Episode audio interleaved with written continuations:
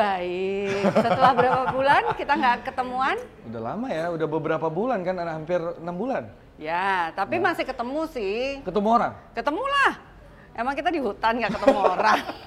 Kok gue sempat mengisolasi diri sih, takut kerja dari rumah. Tapi akhirnya mau nggak mau ya karena ada tugas ya ketemu orang. Iya, kalau misalnya gue bikin event virtual pun juga ketemu orang, ya kan? Terus kalau misalnya small small event juga atau small wedding juga ketemu orang. Ya udah ketemu lah.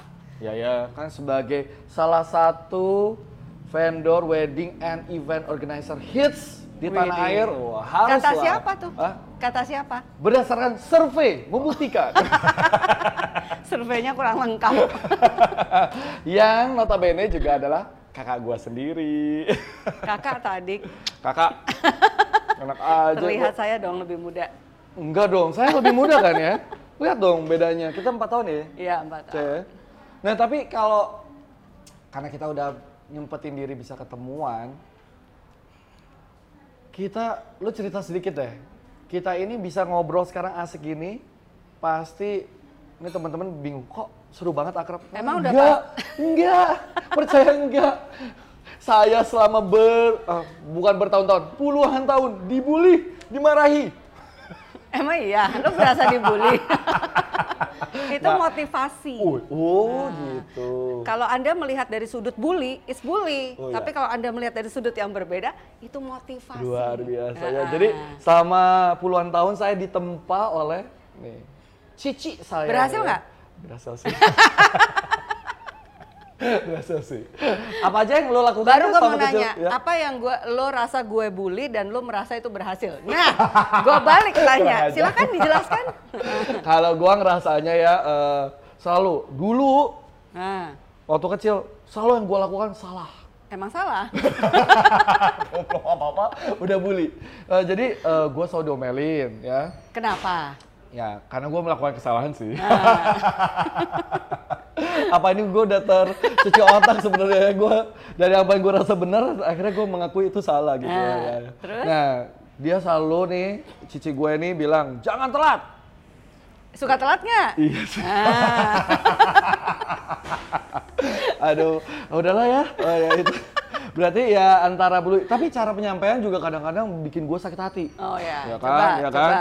Kayak misalnya, lu tuh suka bilang gue gini, lu tuh pokoknya marah-marah-marah tanpa menjelaskan apa yang harusnya gue lakukan. Jadi Widih. bukan mengayomi, bukan eh, kritik eh, membangun. Itu kan hanya perasaanmu karena orang yang dikritik itu selalu nggak seneng. Nggak ada manusia di dunia ini kalau yang dikritik itu senang. Jadi pasti terasa itu tidak membangun. Lo lihat kan? Padahal itu membangun. Ya, ya kalian lihat kan? Kalian lihat kan Loh, ya? Bener dong. Satu poin langsung lama, dua menit. Nah itu bagaimana saya terintimidasi selama puluhan tahun. Loh, tapi tapi enggak sih. Sejujurnya setelah sekarang ya udah kita sudah semakin matang gitu ya usianya. Gue semakin lihat, oh iya bener ya. Sampai gue bisa mengakui bahwa setiap ocehannya dia nih, cici gue, adalah bentuk kasih sayang dalam wujud yang berbeda. Tuh. Masih mending orang yang dimarahin sama gue daripada orang yang nggak gue marahin. Karena berarti orang yang nggak gue marahin itu nggak gue sayang. Gue udah nggak peduli. I don't care. Itu ada di dalam apa ya? eh, stigma anak-anak event gue, anak-anak wedding gue. Jadi kalau tim gue tuh kalau dimarahin tuh malah seneng. Oh. Berarti kayak masih dikasih kesempatan, diajarin Hmm. gitu, dimotivasi. Tapi kalau udah nggak dimarahin, berarti hidupnya selesai. Nit. Tapi itu gitu. anak event. Anak Kenal lu event. eh, mungkin 8 tahun ya, 5 tahun. Gua puluhan tahun main di tempat terus, terus, terus. Tapi ya paling nggak ada lah. Gua nggak bisa mungkiri kayak eh, apa ya? Itu membentuk gue jadi sekarang. Asik. Wah, asik.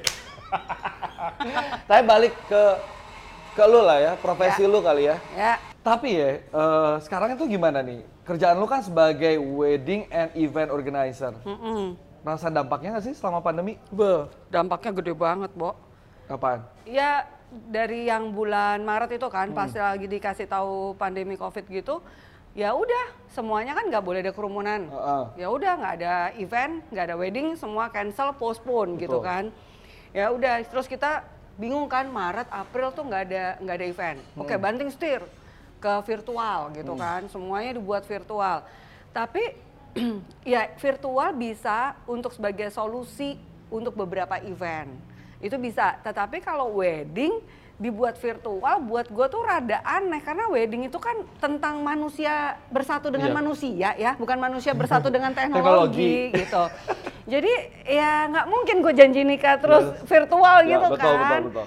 dan eh, ya agak aneh terus orang tua misalnya nggak bisa melihat anaknya nikah karena Hmm. keterbatasan orang berkumpul ya itu sedih banget sih jadi waktu itu kita masih punya sedikit eh, harapan bahwa oh ya pandemi ini akan berakhir dan kita wedding itu sebenarnya akan tetap bisa di celebrate gitu maksudnya kita tetap bisa gitu dan ya itu terjadi sih saat ini gitu Hmm. wedding kecil-kecil udah jalan event virtual Udah juga udah jalan. jalan gitu jadi sebenarnya kita udah mulai bergerak dari sisi itu Tapi gue jadi dengerin lo jelasin tadi, gue jadi kangen nih. Kan gue pernah dong bantuin wedding organizer lo, ingat Hmm, nggak? betul. Waktu anda masih transisi ya, Iya, transisi. dari kuliah mau ke ini kerja ya. Betul, lumayan, cuma- lumayan. Membantu nggak gue? Lumayan membantu kan gue? lumayan. Sangat, sangat atau 0 sampai 10, 10 kan?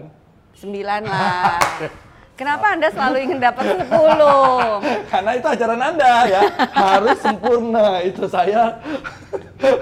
Tapi berhasil kan Berhasil. Dari ya. sejak SD Iya. sampai SMA selalu juara satu Betul. Hebat nggak pernah nggak juara satu loh Ya, karena ada pecutan ya. Puji pecutan Tuhan. maksudnya kayak, ayo kamu harus lebih keras lagi, harus belajar lagi gitu kan. masa sih Eh, enggak sih sama orang eh, bokap nyokap, lu semua sebut aja siapa aja yang ada di gue. Jadi mau nggak mau gue kayak kalau nggak nomor satu kayak gagal gitu. Betul. Betul ya. betul Itu emang kita ngerasain gak sih bokap nyokap kayak gitu? Enggak sih, kalau gue nggak pernah juara satu soalnya. Jadi gue nggak tahu orang tua kita satu kan. Iya iya iya. iya. Jadi gue nggak tahu lu dapat dari mana itu. Gue kayak merasakan ada pressure itu kayak harus gitu. Kalau kalau juara dua udah kayak sedih banget gila. Kenapa bisa juara dua gitu? Karena emang lo orangnya maunya perfect everything in your eyes and your mind tuh perfect gitu. Waduh. iya. OCD kan? Iya iya iya. Nah, Iya, iya. coba OCD-nya apa?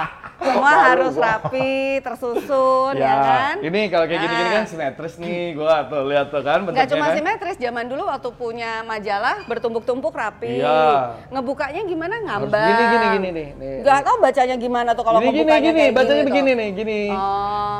Nah, Kalau kalau di waktu itu gini, jangan. nggak boleh. Bukan, bukan, Kak. Gua rasanya kayak ada yang hilang. gitu. Ada yang patah kan di ada situ. yang patah di situ.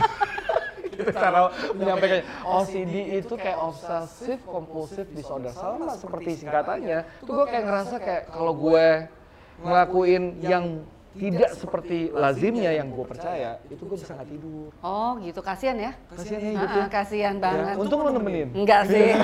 Enggak. Lu menentang gitu ya. Ah. ya. Lu Gila. berusaha menyembuhkan gue ya kan? Iya berusaha lah maksudnya kayak lo bondar mandir dari pintu rumah dikecekin empat kali sampai tuh gagang pintu udah mau copot kali gejegrek gejegrek empat kali setiap kali lo pergi kan? dulu, lu sama bokap nyokap gak tahu itu kenapa gue ngelakuin itu ya? enggak Setelah gue telusuri ya, kayaknya ini ada ada turunannya dari bokap. Setelah gue lihat, bokap itu suka banget meriksa walaupun dia cuma dua kali ya. Nah, lu berapa kali? Kalau gue harus empat kali. Kenapa? Karena somehow gue merasa memberikan rasa aman buat gue. Kalau empat, empat kali gitu kayak apa pun ya, kayak mau kulkas gitu, gue dorong empat kali. Ini pintu, terus ngelilingin mobil empat kali, ngecek ke kolong-kolong mobil empat kali. Kenapa? Karena gue selalu pikir jangan-jangan, jangan-jangan nah, daripada gue nggak bisa beraktivitas selanjutnya, Tuh. udah lebih baik melakukan itu. nah itu dah aneh kan Eh, sekarang sih udah mendingan. oh udah nggak ngelilingin mobil Iya, udah nggak. tapi kunci rumah masih kunci rumah udah nggak. Karena gue udah bisa melamparkan itu kepada istri gue. oh sekarang apa Ya, dong Jadi gini, udah kunci belum? Nggak tahu. Jen yang sekarang OCD Andi. sekarang yang masih OCD sih simetris. Tapi kan ada yang gradasi warna tuh. ya Oke, yang dari biru muda ke biru tua. Nah, gua enggak. oke Udah aman lah. Tapi masih ada OCD sedikit. Kalau nggak rapi-rapi amat.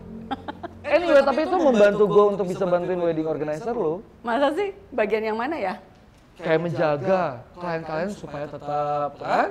tetap Eh, apa kayak rapi gitu. Gue suka ngeliatin, kan gue suka bilang ke lu, Cece, itu dasinya si papanya mempelai kayaknya ini deh. Gue benerin ya. Iya, iya sana. Gue benerin. Oh iya Ya bisa. kan? Bisa kan? Bisa. Gue bantu nggak? Ya. Tapi gua karena lu tadi sebut gua nom, eh, angkanya 9, berarti ada yang kurang dari gua. Layanan gua selama wedding organizer sama lu tuh ada yang kurang. Karena eh, ke- apa ya? Kalau di lo itu waktu kalau kita kerja bareng itu eh, lo agak sedikit kurang bisa apa ya? Fleksibel. Ya. Mungkin orang OCD jadinya nggak kurang fleksibel. Perfeksionis. Iya. Jadinya karena nggak fleksibel, eh di mana faktor X itu kalau sebuah event tuh pasti ada. Iya. Ya kan? Karena lo nggak pernah tahu kan, tiba-tiba muncul nih faktor X gitu. Oh. Nah, lo harus adjust, lo harus fleksibel. Nah, lo tuh nggak bisa gitu kayak, oh ya kalau kayak gini gue harus kayak gini. Itu tuh nggak bisa. Begini ya begini aja gitu. Kan udah briefingnya apa? Technical meetingnya sama lu kan gini. A ya A Iya, gitu kan. tapi kan kalau ada faktor X kak muncul, misalnya bajunya tiba-tiba robek gimana kak? Kan Iya, harus iya, ada waktu untuk dijahit dulu Betul, gitu. betul. Tapi ya, ya itu ya kurangnya sehingga gua nggak dapet nilai sempurna ya. Iya. Tapi layanan buat klien-klien oke lah ya. Puji Tuhan masih oke. Om tante, we love you. Kesukaan tante-tante lah. I, ui, ui. eh, eh, tapi lu inget gak kita pernah ngapain yang sampai berantem? Gue inget banget tuh. Waktu gue kesel banget ya. Kerjaan kru-kru lain Betul. yang nggak terselesaikan dengan baik, lu oper ke gue. Kru itu nggak diomelin. Gue nggak bisa melaksanakannya, which is bukan bagian gue. Terus lu omel-omelin ke gue. Itu gue kesel banget. Lah iya karena gini, kalau di mana-mana orang yang sudah dekat dengan saya harusnya tahu gimana standar saya. Bener dong. Kalian udah tahu kan passion beban hidup saya puluhan tahun. Jadi kalau udah tahu standar saya, kenapa dari kru yang ti- yang seminggu sekali ketemu mungkin gitu ya kan nggak setiap hari gitu sama gue. Jadi itu tuh gue pindahin ke lo untuk lo coba nih diberesin, dirapihin dikit supaya menjadi sesuai dengan standarnya saya. Nah kalau lo nggak bisa, ya lo yang gomelin. Sama dong kayak misalnya nih lo punya sabar ya, nih ini mungkin yang nonton ya. Orang lain gak berhasil menyelesaikan, gak diapa-apain. gue yang disuruh nyelesain, gue diomelin. Sekarang- Padahal bukan tugas gue. Nah, sekarang itu prinsip leadership. Oh. Bener dong. Sekarang nih, lo misalnya posisinya adalah produser. Iya. Ya, produser nyuruh misalnya apalah di dunia lo tuh, misalnya siapalah stage crew lah gitu. Iya. Stage crew ini kan punya stage manager misalnya. Betul. Nah, stage crew-nya nggak beres kerjaannya, ya lo pasti negornya ke stage manager dong. Betul. Coba lo nih beresin nih kru lo gini-gini. Nggak mungkin lo akan ngomelin si stage crew dong. Oke. Nah ini kan tanggung jawabnya lebih berat men. Iya, iya, iya. Gitu. Tapi du- Dulu waktu itu perasaan nggak ada, saya bukan bukan manajer kru. Ya kalau di wedding mana ada kata-kata manajer. Tugas sama, duit juga sama. Tapi itu Tapi bermanfaat kan? Betul. Iya. Bermanfaat. Kalau ditanya selalu bermanfaat, selalu bermanfaat. Membentuk karakter saya, selalu. Emang iya, bermanfaat banget. Tapi lo ngerasa beban nggak? Karena gua adek lo, gua ikut di eh, WO lo. Atau lu justru kayak, aduh adek gue nih harus bener nih. Kan ntar apa pertanggungjawaban gue sama kru-kru yang lain kalau adek gue nggak bener. Hmm, enggak sih semuanya aman-aman aja. Nggak ada, nggak ada pikiran kayak gitu. Kalau Gue kadang-kadang suka merasa kayak ngebebanin lu gitu kayak, waduh gue adek lu, oke. Gue harus bekerja lebih baik daripada yang lain. Oke. Kasian ya gue, padahal dia nggak ngerasain kayak gitu sama gue. Enggak sih. Karena buat gue semua orang yang kerja bareng gue tuh sama gitu loh. Hari itu emang kita kerja bareng gitu. Cuman eh, mungkin bahasanya lebih beda ya. Karena kalau kita udah adik kakak tuh kayak gue ekspektasi terus gaya bahasanya juga kalau gue marah ya gue marah aja lebih keras pastinya Iya. daripada orang baru dong. Of course, Iya of kan? course.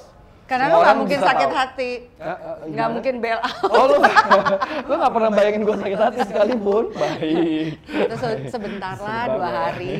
Iya. Eh, teriakan lo yang dari ujung ke ujung gitu di venue ya, Michael! gitu gitu. Gak pernah bayangin. Eh, beneran, Betul. ngerasa itu enggak? Enggak, nggak ngerasa itu menyakiti. Iya, iya, iya. Karena sudah terbiasa lah, apa? Lagi-lagi puluhan tahun. Iya, iya. Sampai semua vendor udah tahu ya, kebiasaan itu ya? Kebiasaan saya teriak. Iya, sama Wah, saya maksudnya. Oh kalau sama kamu ya iyalah udah tau lah. Iya, iya. Karena lo kan emang begitu gitu terbuktinya. Emang korban untuk diteriaki Heeh. ya kan? Nggak pernah nggak pernah hadir dalam eh, apa etalase yang berbeda gitu. Tapi tadi kan itu dari gue ya, yang gue paling inget. Yang lu paling inget kerja bareng gue apa? Kerja bareng lo. Pengalaman seru, lucu, atau yang lu nyebel, sebel juga sama gue. Itu kan gue udah cerita lu ya. Gue nggak pernah lo merasa sebel. Ampun, ya ampun. Iya, gue nggak pernah merasa sebel. Buat gue setiap event itu pasti ada dukanya, pasti ada marah-marahnya. Betul, ya. Tapi at the end tuh sukanya tuh udah menutupi semua itu. Jadi gue nggak pernah merasa sebel. Kalau sebel tuh ya pastinya ada Emang sih. iya sih dia nggak pernah suruh orang dia yang teriak melulu ya. Kita yang diterakin. Oh Ya, iya.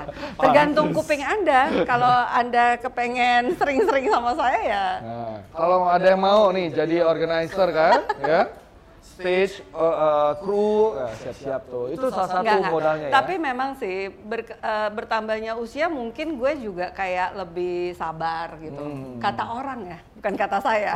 kata orang saya lebih sabar. Cuma mungkin gue juga udah lebih kayak bisa mendeliver kepercayaan lebih banyak lagi ke orang-orang lain betul. Hmm. sehingga semuanya tuh nggak numpuk cuma di gue doang gitu. Nah itu kayak bebannya lumayan bisa kebagi gitu. Jadi sama, gue juga semakin bertambah usia, gue semakin bisa mengerti. ya Bigger picture-nya, kenapa lu teriak-teriak. Nah, betul. Tapi sekarang justru eh, semakin lebih dituntut lagi untuk lebih perfeksionis. Jadi lebih sedikit lagi ruang untuk lo membuat kesalahan. Oke. Dan untung saya sudah Ya. bersyukur. Sekarang kita saling ini ya membantu ke support antar Ya. vendor ya. MC, eh, oh. Bukan bagian dari BO. Tapi emang banyak banget kalau gue sih dapetin selama gue kerja bareng lo sih perubahan karakter sih ya. Dari yang tadinya telat, suka telat-telat jadi lebih punctual. Terus yang tadinya eh, nggak disiplin dan nggak kurang apa ya client services gitu ya. Ya, untuk, betul. untuk, untuk ke itu gue belajar banyak. Bagaimana eh, bisa apa melayani, belajar melayani dan Betul. belajar lebih rendah hati. Itu itu Ya. belajar banyak sih. Eh anyway, eh, yang dari tadi client services itu apa yang terjadi ya kalau selama pandemi ini? Om Tante tuh lebih ribet atau gimana? A- atau ada tantangan tersendiri sih selama pandemi? Hmm. Kalau client services selama pandemi ini kita sih tetap ngadain Zoom meeting, berusaha tetap meeting, planning tetap harus jalan. Eh, ya ta- kan kalau di gue kan ngeplan wedding itu biasanya orang ngeplan satu kali untuk satu event. Betul. Sekarang ngeplannya sampai 3-4 kali kak. Tergantung kapan buka tutup PSBB Iya, iya, gitu iya, kan. iya, iya, iya. Eh, sebentar peraturannya begini, plannya berbeda. Sebentar peraturannya begini, plannya berbeda. Nah itu eh, ya kita sih eh, sama-sama saling apa ya support aja. Di bagian WO-nya sedih, di bagian klien juga pasti ada sedihnya. Betul. Nah, cuman yang kita coba support ke klien adalah kita selalu kasih solusi jalan keluar bahwa jangan sedih, kita tuh tetap bisa merit, tetap bisa wedding dengan yang dia mau. Karena gini loh, susahnya tuh ya pernikahan tuh bukan cuman sah di hadapan Tuhan dan di hadapan negara ini, tetapi buat cewek, Mike, wedding itu tuh impian. Betul. Ya ilah, sekali seumur hidup kan kak. Iya. Nah itu tuh kayak impian banget wedding gue tuh kayak kepengen begini, kepengen begini. Tiba-tiba jebret, nggak bisa. bisa. Nah setidaknya adalah elemen-elemen impiannya dia tuh yang kita berusaha untuk tetap mengakomodasikan itu terjadi gitu loh. Ya itu sih yang kayaknya eh, selama pandemi ini kita ngobrol banyak di situ. Tetapi ketakutan orang tua lebih kepada eh, ya ini penyebaran, penyebaran dari si COVID-nya sendiri. Kita berusaha meyakinkan bahwa eh, ya itu udah resiko ya. Sekarang kayak lo pergi nih eh, naik pesawat sebelum terjadi COVID ya, Ya. kan punya resiko juga, Mike. Betul. Untuk pesawat itu bisa jatuh, ya kan? Ya. Nah, eh, tapi lo bisa tetap berangkat gitu loh, tetap terbang tanpa lo harus nanya ke pilotnya nanti kita bakal jatuh nggak gitu. Iya, iya, iya. Eh, as simple as that. Dan sama seperti penyebaran COVID ini, begitu lo keluar rumah, lo udah siap dengan resiko itu tanpa lo harus nanya ke orang lain kira-kira gue bakal keturunan covid apa enggak ya Iya. gitu pertanyaannya adalah perlengkapi diri lo dengan keselamatan lo sendiri gitu Hmm. lo pakai masker lo pakai face shield lo cuci tangan Iya. ya lo lengkapin lo inget-inget sendiri gitu nggak ada satu orang pun pada saat lo keluar rumah akan bertanggung jawab terhadap kesehatan lo Betul. nah itu yang selalu gue ajarin ke papa mama klien kalau om tante berani untuk membuat event wedding Iya. ayo jangan takut Hmm. gitu loh karena nggak ada tuduhan bahwa oh gua habis kekawinan bapak ini kemarin terjadilah covid ya belum Ya. tentu di kawinan betul. itu bisa aja lo di lapangan parkir bisa aja lo lagi jalan di pasar Atau sebelum pas keluar rumah di lingkungan Hmm. kompleks.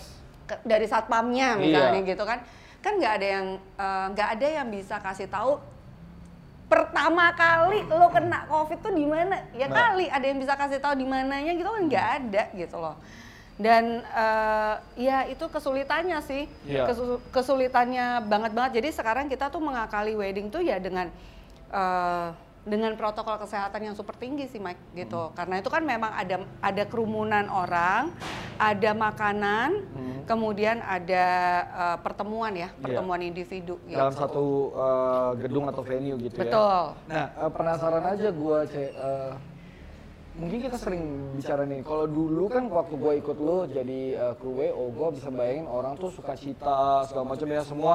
Kalau bisa cipika cipiki dan lain sebagainya. Itu uh, sekarang nggak mungkin dilakukan kan? Cipika, cipiki mungkin udah nggak nggak bisa namaste kita Namaste, kebanyakan. apa Cuman kalau vibe happinessnya ya, Tetep. kayak menurut gue sih tetap ada. Un- untuk pertama kali nih ya, pertama kali maksudnya kayak eh, lu masuk ruangan kan pakai masker semua Hmm. tamu gitu kan, pasti kan kayak wah gitu-gitu kan kepengen pelukan tapi nggak bisa gitu.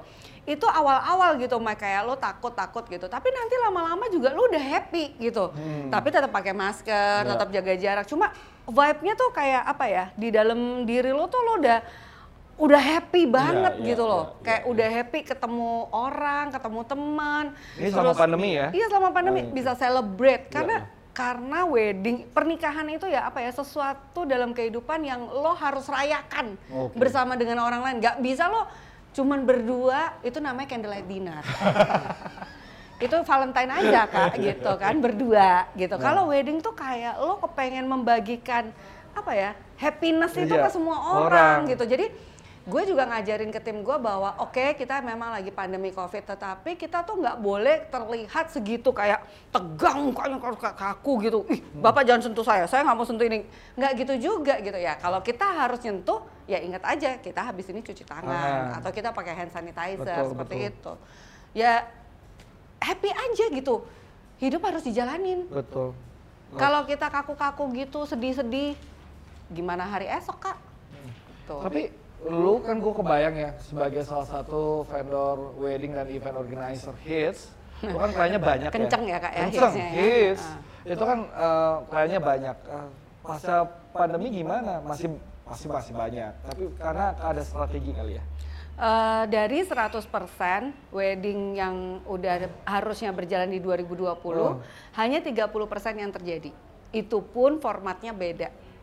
Nah, itu kemarin nih pembicaraan ya. Seandainya kita akan terjadi nih PSBB total yang kedua, Dua.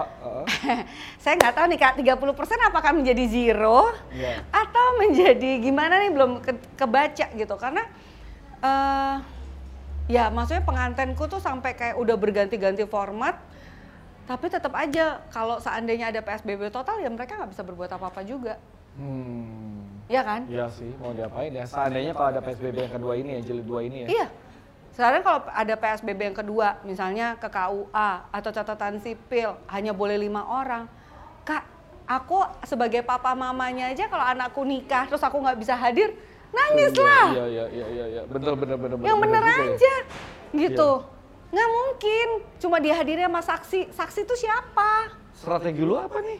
strategi saya ya pospon aja udah mau gimana lagi ya sedih lah maksudnya pengantinnya pasti sedih banget banget Iya. lah nggak mungkin kalau Seandainya nih di PSBB yang jilid kedua ya. ya lebih seandainya di- ya terjadi nih PSBB kedua dan hanya boleh Lima orang. lima orang. Dah selesai. Karena kalau secara virtual juga nggak memungkinkan kali ya, Cek. Kayak Iya. maksudnya kayak orang Nih, tua kan nih, pengen nih. hadir di hari yang paling berbahagia. Gue ajarin ya, kan ada nih pernikahan adat Jawa. Iya. Sungkem ke orang tua, virtual kak. Iya juga Hah? sih. Iya juga. Gimana caranya sungkem itu virtual? Hah? Nggak mungkin Iya, lah iya. gitu. Terus kayak kita kan udah, maksudnya kita pengantin nih, kita mau say thank you ke orang tua kita gitu. Virtual, ya nggak mungkin lah Hmm. Gitu. Tetap aja kan silaturahmi orang tua anak itu harus ada. Iya, iya. Waktu awal eh, pandemi dan PSBB yang pertama itu kita semua buta kan ya.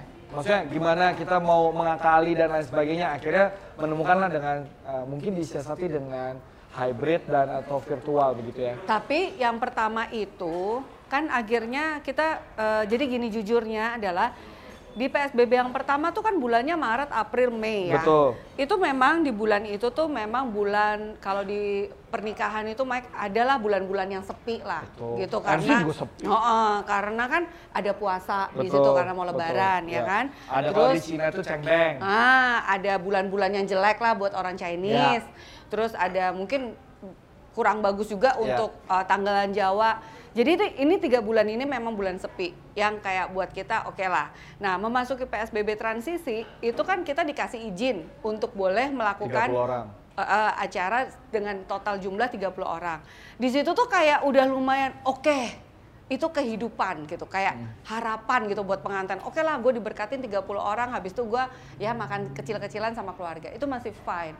Tapi seandainya PSBB yang kedua ini lima orang, Mike, lu pikir aja sendiri kalau lima orang Pak gitu kan? Siapa? Lah kalau zaman dulu kami aja berkeluarga misalnya anak bapak gue misalnya ada empat orang nggak bisa hadir Iya, dong betul. gitu nah ipar-ipar gue semua nggak bisa datang nah itu gimana Isinya. kak Runyang, runyang Nah, ini. terus Nah kalau seandainya PSBB kedua ini jadi dijalankan, gimana nih eh, lu sebagai orang-orang event atau wedding organizer tuh survive?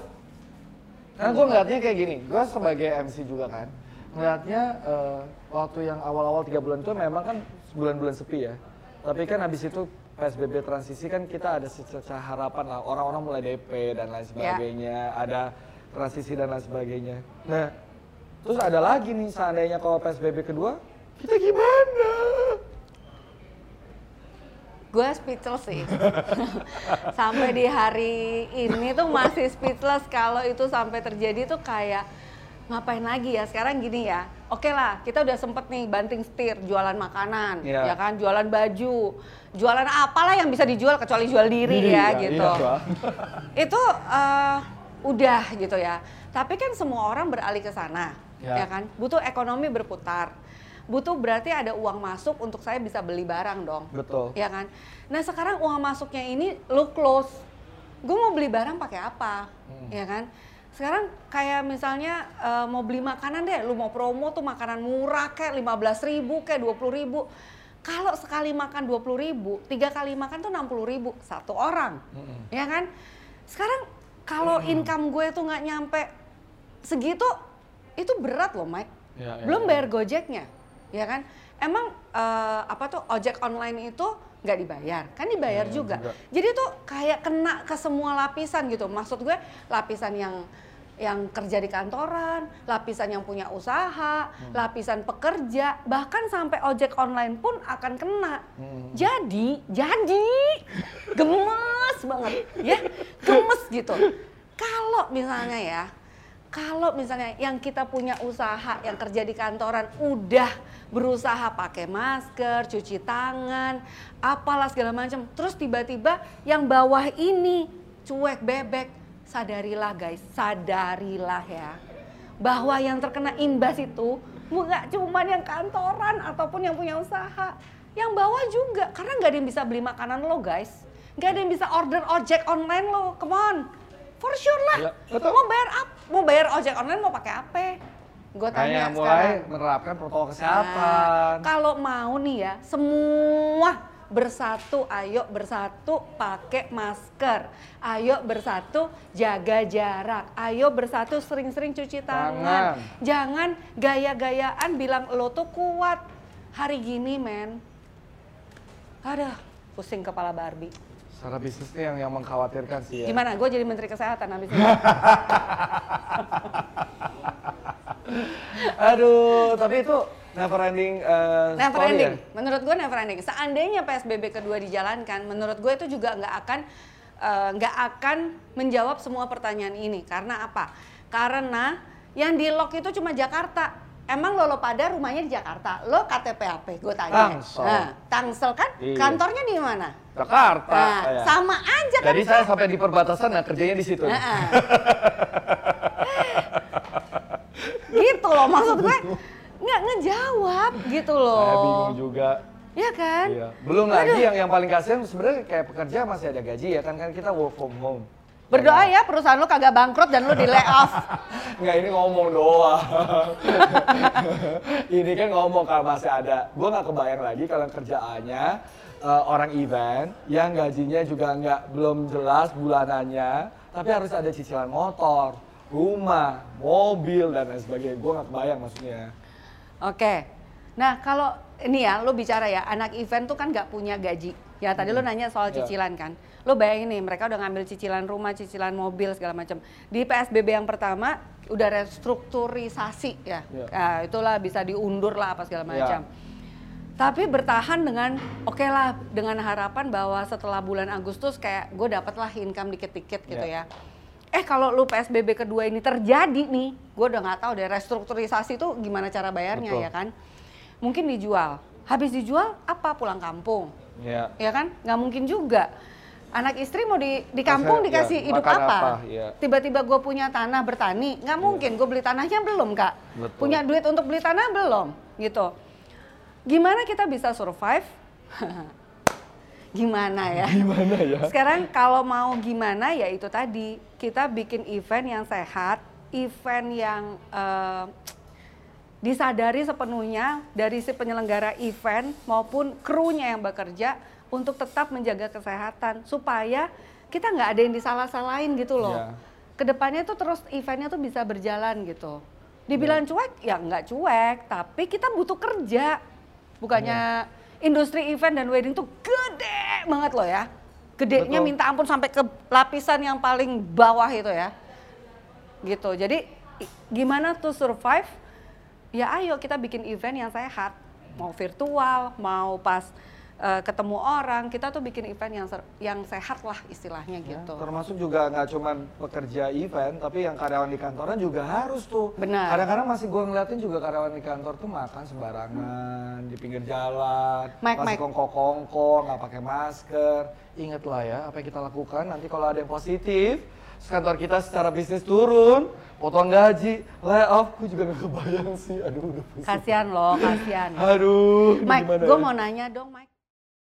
Ah, modal utama yang saya mau katakan ya, kalau eh, itu jangan kamu memulai pekerjaan ini dengan pemikiran saya mau dapat uang sebanyak-banyaknya.